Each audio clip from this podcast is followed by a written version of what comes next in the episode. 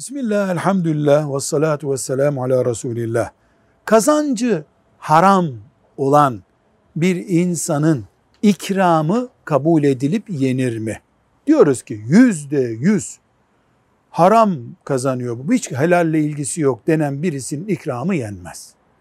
Ama helali var, haram da karışmış. Onun ikramı yenebilir. Durumunu bilmiyorsak haline bakarız. Namaz kılıyor mu, iyi insan mı, e, ilişkileri helal mi?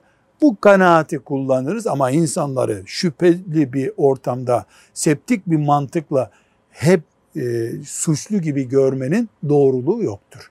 Velhamdülillahi Rabbil Alemin.